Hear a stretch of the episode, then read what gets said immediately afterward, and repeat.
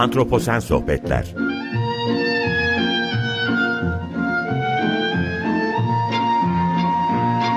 Hazırlayan ve sunan Utku Perktaş Merhaba, iyi akşamlar herkese. Ee, Antroposen Sohbetlere hoş geldiniz. Ben Utku Perktaş. Bugün Anadolu kendi doğa tarihine ne kadar yabancı sorusunu cevaplamaya çalışacağız. Ee, kıymetli bir konuğum olacak. Ama e, konuğuma geçmeden önce, ona hoş geldin demeden önce kısa bir giriş yapmak istiyorum her zaman olduğu gibi. Bugün Anadolu'nun kendi doğa tarihine ne kadar yabancı olduğumuzu konuşacağız dedim. Biraz tarihsel bir bakış açısıyla e, bunu gerçekleştirmeye çalışacağız. Anadolu'daki doğa tarihi üzerine yapılan çalışmaları derleyip günümüzde elimizde ne var, ne kaldı bunu tartışmaya çalışacağız. Ee, Anadolu zengin coğrafi yapısıyla ve çeşitliliği yüksek habitatlığıyla eski dünya olarak tanımlanan e, geniş coğrafyada dikkat çekici bir yer. Bunu biliyoruz. Anadolu'da kısa mesafe içinde hayvan türlerine şöyle bir baktığımızda e, çok hızlı değiştiklerini de görebiliriz.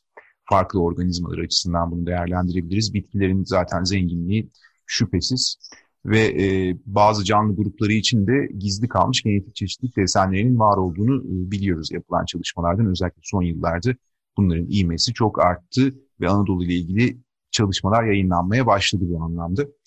Bu nedenle farklı biyocoğrafi hipotezlerin ve hatta farklı senaryoların test edilmesi için eşsiz bir coğrafya var karşımızda. Bugün geriye baktığımızda Anadolu'nun eski dünyanın en işlek fakat modern doğa bilim teknikleriyle de pek az çalışılmış bir coğrafya olduğunu görüyoruz. Son zamanlarda hani imelenmeye başladık. Ve bunun üzerine konuşacağız. Ee, daha önce Amerikan Doğa Tarihi Müzesi'nden Peter Campagnolo konuğum olmuştu ve doğa tarihi müzeleri üzerine konuşmuştuk. Doğa tarihi üzerine konuşmuştuk. Bugün bu doğa tarihi müzeleri hakkındaki girişimlerden de bu programda bahsedeceğiz. Anadolu ile ilgili girişimlerden ama bir, pek çoğu başarısız olmuş. Ve elimizde ne yazık ki de şu anda donanımlı, kurumsallaşmış koleksiyonlarıyla kendini gösteren bir doğa tarihi müzesi yok. Ben şimdi lafı çok uzatmayayım. Ee, bu girişi yaptıktan sonra e, tüm bunları konuşacağımız konuğuma bir hoş geldin demek istiyorum. Gönenç merhaba, hoş geldin. Ee, nasılsın? Hoş bulduk. İyiyim. Siz nasılsınız? Çok sağ olun davet ettiğiniz için. Ben de çok teşekkür ediyorum. Ben de iyiyim. Ee, sen de geldiğin için ben de çok teşekkür ediyorum. Gönenç çok kısaca tanıtayım. Hani bir cümleyle tanıtacağım. Gönenç jeoloji mühendisi ve Türkiye'nin doğa tarihiyle uzun yıllardır ilgileniyor. Ee, müzelerle ilgili e, kıymetli bilgilere sahip. Dolayısıyla ben bugün bu konuyu Gönenç'le konuşmak istedim. Ee, ve yavaş yavaş sorularıma geçeceğim. Ee, Gönel senin için de uygunsa ilk soruyla başlayalım diyorum. Tabii ki. Buyurun. Şimdi e, sen uzun zamandır ile ilgili aslında bilgi birikiminde bu noktada çok iyi bana göre. E, dolayısıyla hemen şeyi sormak istiyorum. Anadolu'da ilk doğa tarihi gözlemleri ya da ilk doğa gözlemleri diyeyim, doğa tarihi demeyin. Ne zaman başladı? E, nasıl iğmelendi, iğmelendi mi? Durum nedir bu konuda? Aslında çok daha biraz daha da geriye gidersek aslında ilk olarak antik Yunan doğa felsefecilerinin gözlemleri var. Ya bunlar aslında çok böyle e, geçmişe de gitmez. Ya çok geçmişten başladım ama böyle Anaximander, Thales, böyle Heraklitus gibi kişiler var. Bunların yaptığı atomlar nasıl oluşmuş, doğa astronomi nasıl gelişmiş bununla ilgili böyle öncü gözlemler var. E, bundan sonra aslında en böyle e, temel eserler işte bu Strabon'un eserleri var. Amasyalı Strabon çok önemli bir coğrafyacı ve e, çok aslında uzun yıllar belki de e, 15. 16. yüzyıla kadar aslında Anadolu'da ilgili bilgiler aslında Strabon'un eseriyle geliyor. Çok basılmasa da ya çok bilinmese de 15. yüzyıl gibi Strabon'un eserleri e, tekrar e, yeniden e, basılı hale geliyor Avrupa'da ve bir anda bir merak uyandırıyor. Bu eserle beraber aslında Avrupalılar yani tekrar Avrupalılar bir merak etmeye başlıyor daha doğrusu dünyadaki araştırmacılar. Bu merakla da aslında daha böyle 17. yüzyıl, 18. yüzyılda böyle doğa bilimi teknikleriyle böyle araştırma yapılabilecek araştırmalar yani teknik araştırmalar daha o dönemlerde e, yavaş yavaş serpmeye başlıyor. Tabii burada çeşitli yerde aktörler de var. Bazı eserlerde bile Evliya Çelebi'ye bile aslında yabancı eserlerde e, atıf verildiğini görüyoruz bu dönemde yapılmış. Bu aslında bu gibi e, birkaç yayını kullanarak ve özellikle Strabon'un yayını kullanarak insanlar buralara gelmeye başlıyor ve materyal toplamaya, gözlem yapmaya işte biyocoğrafyadır, jeolojidir, e, işte manyetiktir, botaniktir bunlarla ilgili çeşitli gözlemler yapıyorlar. E, aslında böyle geniş bir alan var ama özellikle e, yani 17. yüzyıla kadar çok aslında böyle spesifik gözlemler yok. Hep böyle bir bilinmeyen uzakta bir yer olarak duruyor. Anlıyorum. Peki e, Anadolu doğal yaşam anlamında keşfedilirken özellikle hani bir müzemiz yok şu anda. Yani bir, bir çeşitli müzelerimiz var ama kurumsallaşmış bir ülkemizin doğa tarihi müzesi yok. Bu, bunu söylerken ben çok üzülüyorum ama bu tür keşifler yapılırken geçmişti. E, coğrafyadan bir sürü örnek toplanıyor eminim ve e, bu keşfe toplanan örnekler o dönemlerde nasıl saklanıyordu ya da e, bunlar ne durumdaydı? Aslında saklama koşulları e, genel olarak yani özellikle botanik için e, işte kurutma, presleme ve uygun belki koşullarda saklama konusunda botanik örnekleri nispeten hani bugünküne biraz yakın koşullarda saklanıyordu. Özellikle belki 17. 18. yüzyıldan, yüzyıldan sonra. Ama tabii uzun dönem böyle saklamadır özellikle tahnit örnekler konusunda e, zoolojik örnekler konusunda çok böyle günümüzdeki kadar gelişmiş teknikler de yoktu. Belki doğa tarihi müzelerine gidenler biliyordur. Bazı işte zoolojik örnekler vardır. E, kaymış hani böyle yüzü gözü iyi ya da kürkü bozulmuş. Yani bunlarla ilgili daha gelişmiş teknikler yoktu. O yüzden aslında bu gibi koleksiyonlardan günümüze daha çok kalanlar işte mineral, fosil gibi daha böyle bo, e, bozulması zor olan e, doğal koşullarda da duran örnekler var. Bunları saklama konusunda gelişmiş teknikler aslında yoktu ama bunlar yavaş yavaş oluşturuldu. Yani doğa tarihi üzerinde ya da doğa 17. 18. yüzyıldaki ismiyle bu nadire kabinelerinde e, örnekler nispeten böyle korunaklı dolaplarda saklanıyordu. E, bazıları için özel aktif teknikler gelişmeye başlamıştı. İşte formaldehit'te saklama gibi alkolde. Bunlar yavaş yavaş gelişiyordu ama o dönemden özellikle Anadolu'dan bu dönem, döneme kalmış olan şeyler aslında sadece kaya, mineral ve fosil örnekleri genelde dayanabiliyor. Büyük bir kısmı aslında bozulmuştu. Ama Anadolu'dan bile kalan hala örnekler var. 200 yıl önce toplanmış, 300 yıl önce dünyanın farklı doğa tarihi müzelerinde. Bunları bulmak mümkün. Kendi coğrafyamızda bunları göremiyoruz. Evet farklı doğa tarihi müzelerinde ben de bir iki katkı yapmaya çalışacağım. Ee, kuşlarla çalıştığım için e, özellikle kuş örneklerinin e, toplanıp hani dünyanın hangi müzelerinde nasıl görüyoruz ama ilerleyen sorularda bunu söylemeye çalışayım. Şimdi e, belli bir akış oluşturmaya çalışmıştım ben de. Avrupa'da keşif çağı olarak isimlendirilen bir dönem var ve bu dönemde e, Humboldt'un e, doğa gözlemlerine katkısı anladığım kadarıyla çok önemli. E, bitkilerle ilgileniyor kendisi. Bu anlamda e, doğa gözlemcilerine katkısı ne oldu Humboldt'un? Belki biraz öncelikle Humboldt'tan bahsetmek gerekebilir ama. Evet aslında bu e, ya doğa tarihi müzelerinin ya ve de yani doğa bilimlerinin kurumsallaşmasını ve gelişmesini sağlayan aslında en önemli figürlerden biri Humboldt. Yani 19. yüzyılın başında aslında bu doğa bilimlerinin ışığını ya da ateşini yakıyor diyebiliriz. Ee, çok ünlü ve aslında şey naturalist Almanya'dan yola çıkarak aslında dünyayı keşfetmek istiyor. Ciddi bir merakı var. Bununla beraber ilk önce Mısır'a gitmeye çalışıyor ama oraya gidemiyor. Sonra İspanya'ya gidiyor. Onun üstünden de or- oradaki krallıkla beraber Güney Amerika'yı keşfetmesi öneriliyor ve Güney Amerika seyahatine çıkıyor. Bu da aslında onun en böyle alameti farikası gibi. Orada e, dünyayı belki de değiştirecek. Yani total böyle gözlemler yapıyor. Öncelikle burada buranın coğrafi koşullarını ortaya koyuyor. İklimi, deniz akıntılarını, e, ve meteorolojik, meteorolojik zonlarını ortaya koyuyor. Bunun dışında aslında manyetizma, jeofizikle ilgili aslında çok değişik çalışmaları var. İşte manyetik kutbun hareket ettiğini, ekvatora doğru zayıfladığını ortaya çıkarıyor. Ve en önemli yaptığı şey aslında e, biyocoğrafya hani ve iklim zonlarını ortaya koymak. Bunu total bir dünya ölçeğinde modelleyerek aslında bunu görselleştiriyor ve bu görselleştirme herkeste bir anda kafasında büyük bir ışık yakıyor. Yani dünyanın tek bir aslında yer sistemi olduğunu, bütün hani biyoloji, işte jeoloji ve coğrafi iklim parametrelerinin birbirini kontrol ettiğini aslında Humboldt'un e, illüstrasyonları, kitaplarıyla insanlar anlamaya başlıyor ve bu ciddi bir merak ve böyle aslında şey yaratıyor, heyecan yaratıyor. Evet. Aynı zamanda 60 bine yakın örnek topluyor Humboldt, yani Güney Amerika seyahatinden ve bunların aslında binlercesi yeni türler. Bunları Avrupa'ya gönderiyor, bunlar tanımlanıyor, müze, müzelere e, yerleştiriliyor. Aynı zamanda da uzun yıllar Paris'te dersler veriyor.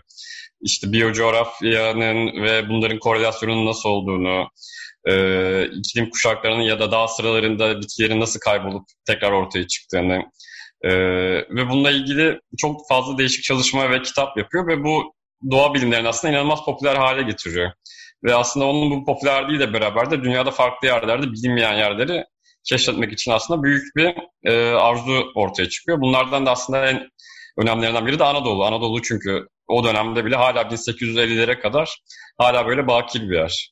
Yani çeşitli bilgiler var seyyahlardan gelen, o dönemdeki araştırmacılardan gelen ama hala modern bu tekniklerde yani 19. yüzyılın başında çıkan Humboldt'la beraber modern tekniklerde araştırma hala yapılmamış ve bununla ilgili ciddi bir aslında açlık başlıyor. Ve insanlar böyle yavaş yavaş gelebilenler artık Türkiye'yi keşfetmeye ve yani Türkiye'nin bu dünya ve Anadolu'nun aslında dünyadaki e, doğa tarihi ya da doğa bilimleri alanında neler barındırdığını bulmak için böyle bir aslında farklı bir yarış başlıyor. Peki diye ya, özetleyebilirim. Anlıyorum. Bu keşif çağında Anadolu'ya çok fazla gözlemci geldi mi? Evet aslında çok fazla gözlemci geliyor. Özellikle botanik alanında çok fazla gözlemci var. Böyle seyahatler yaparak e, uzun seferler gerçekleştiriyorlar. Bununla beraber aslında şeyler de karışık yani e, bu aslında polimat ya da naturalist olduğu için herkes farklı alanlara da ilgi duyuyorlar. İşte genelde gelişler böyle arkeolojik merakla da oluyor. Yani mitolojik efsanelerde olan şeyler cidden Anadolu'da olmuş ama bu nasıl olmuş, nerede olmuş? Bu modern doğa teknikleriyle bunları bulabilir miyiz, nerede görebiliriz diye bir aslında merak var. Ateşleyen şeylerden biri de bu. Ya çünkü din, dini mitolojik şeylerde bilim hala tam ayrılmış değil. Hala ikisi birbirini besleyen iki faktör. Evet. İşte atıyorum İstanbul Boğazı'nın nasıl açıldığı, işte Olimpos Dağı'nın nasıl oluştuğu, işte burada hangi bitkiler var, işte Efes harabelerine gidiyorlar ama insanlar gidip mesela bitki ya da mineral topluyorlar. Yani ikisini birden görüyor insanlar. Böyle bir ciddi bir merak var. E, o yüzden çok fazla değişik alanda insan geliyor. Yani hem araştırmacı olarak sayılarak hem de gelip burada e, Osmanlı'nın altında çalışan kendi tekil araştırmacılar olarak çok fazla insan geliyor. Peki e, bu noktada ben bir isimden bahsetmek istiyorum. E, Çiyaçov. E, biraz Çiyaçov'tan bahsedebilir miyiz? Zannediyorum Türkiye'deki doğa tarihinin resmedilmesi, görselleştirilmesi ya da ortaya konması için önemli figürlerden bir tanesi kendisi. Evet aslında Çiyaçov'da bu işte 19. yüzyılın ilk yarısında e, olan bu e, akının aslında en böyle pik yaptığı noktalardan birinde 1845 yılında aslında Türkiye'ye göre. Aslında Çiyaçov bir Rus soylusu. Ee, ve Rusya'da ve Fransa'da böyle eğitim gördükten sonra e, Altay Dağları'na giderek Altay Dağları'nı keşfediyor. Ve bunları haritalıyor. Bunun duran doğa tarihini, işte biyocoğrafyasını, madenlerini ortaya koyuyor. Fakat o sırada e, Türkiye cidden hala bilinmez bir yer. E, işte Napolyon Mısır seferini yapmış. Artık Mısır'la ilgili çok fazla bilgi yakıyor. Ama Türkiye, İran bu bölgeler böyle bu bölgelerle ilgili ciddi bir boşluk var ve bunu aslında insanlar merak ediyor ve doldurmak istiyorlar. E, Chiacho'da tam bir aslında Humboldt aslında e, sevdalısı diyelim. Aslında kitap, kitaplarının birinde de aslında Humboldt'tan nasıl esinlendiğini anlatıyor. Yani yaptığı işin ona yaptığı çalışmanın ona layık olmasını temenni ediyor. Böyle kitapların ön sözleri var. Aslında İstanbul'a bir ateşe olarak geliyor. E, Rus ateşi, ateşesi olarak. Ee, ama tabii ki esas hani merakı doğa bilimlerini Anadolu'nun doğa, doğa tarihini ortaya çıkarmak. Bununla ilgili de aslında çok böyle 11 bin kilometre kareye yakın bir alanı böyle yürüyerek böyle yaklaşık 11, 11 yıl dolaşarak Türkiye'nin her yerinde e, biyoloji, jeoloji, coğrafya, işte hidrodinamik, e, iklim parametreleri hakkında bilgi toplayarak e, bunları kitaplaştırıyor. Bir 10 yıl kadar Türkiye'de çalışıyor. 10 yılda oturup bunları yazıyor. Böyle 8 ciltlik bir 5000 sayfadan oluşan bir serisi var Asya Minor diye. E, ve bu Asya Minor'da işte e, klimatoloji, zooloji, Anadolu bitkileri, Anadolu paleontolojisi, jeolojisi ve e, Boğaziçi ve İstanbul'da yani zamanda tekil olarak sadece İstanbul'u anlatan e, kitapları var. Hatta bu kitap yakın zamanda İş Bankası yayınlarından bir daha basıldı. Boğaziçi ve İstanbul ismiyle.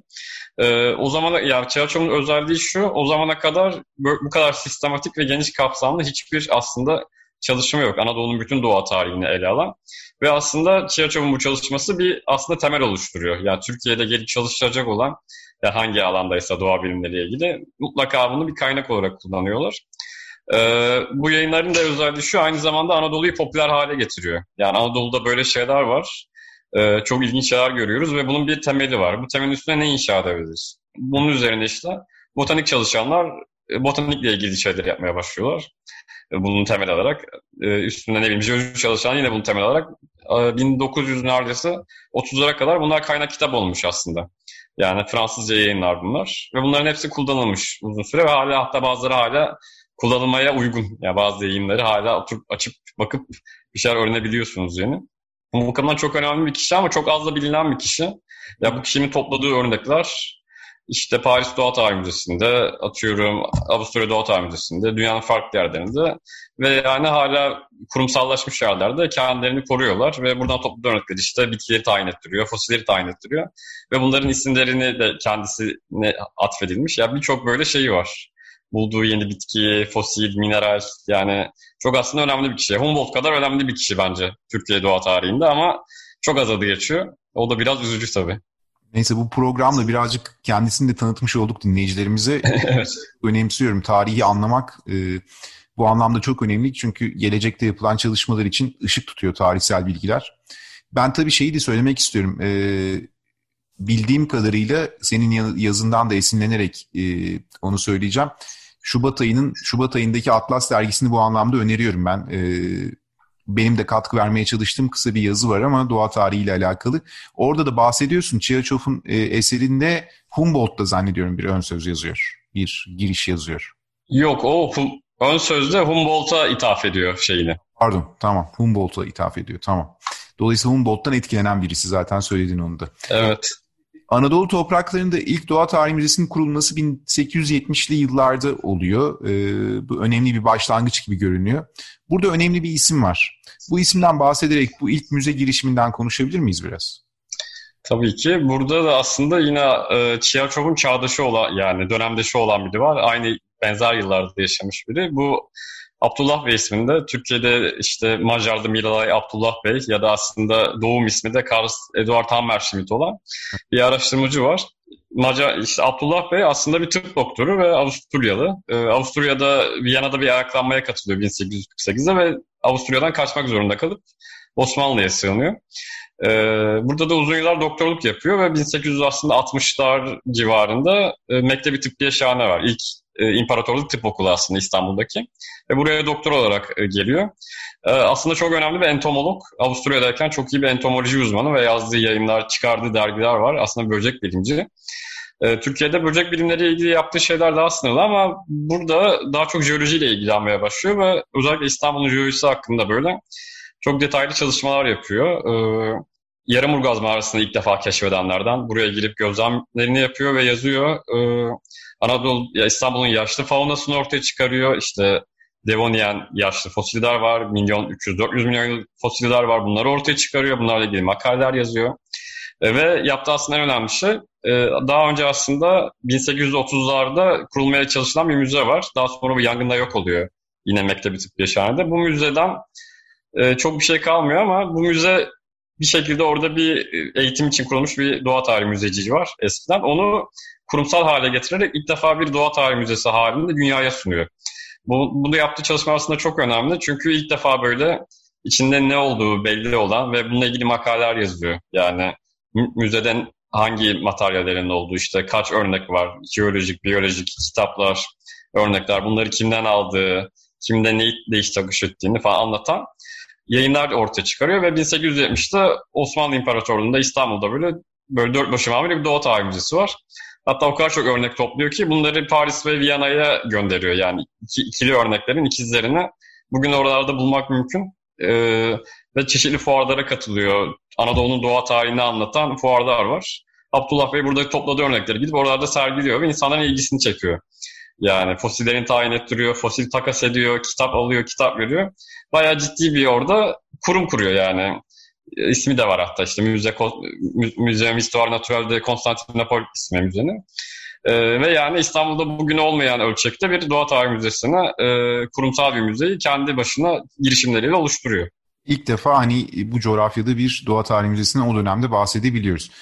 Peki e, bu dönemden sonra Anadolu'da başka müze girişimleri oluyor mu? Aslında bu dönemden sonra başka girişimler oluyor. Çok üzücü bir şekilde Abdullah Bey aslında 1873 ya da 74 yılında böyle ani bir kalp kriziyle vefat ediyor. Gidince de müze koleksiyonu biraz muğlaklaşmaya başlıyor. Darülfünun'a devrediliyor. Oradan İstanbul Üniversitesi'ne geçiyor ama orada da bir vefa yangınında 1918'de hepsinin yok olduğu, büyük bir kısmının yok olduğu söyleniyor. Bununla beraber aslında türdeş yani ben, özellikle 1890'larda farklı kurumların farklı müzeleri ortaya çıkmaya başlıyor. Bunlardan önemlileri işte Robert Kolej'in aslında çok düzgün, önemli bir koleksiyonu var ama onun da akıbeti maalesef belirsiz. Ee, San Benoit, işte San Joseph gibi okullarda özellikle San Joseph'in harika bir koleksiyonu var. Yine 1900'lerde oluşmaya başlamış. Darüşşafaka'nın bir doğa tarihi minik bir koleksiyonu var. Yakın zamanda o ortaya çıktı. Özellikle Anadolu'da da ilginç olanları var. İşte Merzifon'da e, çok ilginç bir koleksiyon var. Antep'te bir koleksiyon kurulmuş. Hatta Antep'teki koleksiyonun ismi bir e, kadın araştırmacıdan geliyor. Yani dünyada ismi bir kadın araştırmacı olan e, bir doğa tarihi koleksiyonu kurulmuş yani Antep'te 1800'lerde. E, Mary Dickinson isminde, Mary Dickinson Natural History Museum diye bir ufak alan kurmuşlar. Orada Antep'teki Amerikan okulunda.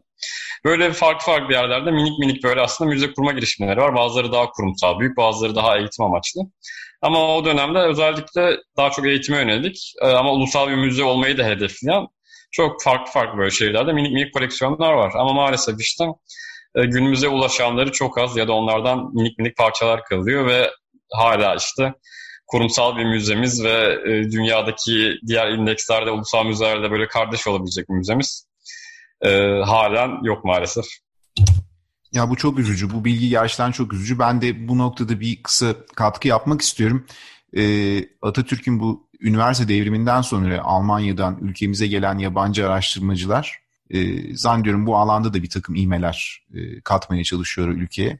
E, yine 1900 zannediyorum 50-60'lı yıllarda Hans Kümerlöwe isminde bir ornitolog e, Almanya'dan Türkiye'ye geliyor. Sen de duymuşsundur belki bu ismi. Evet. Aha.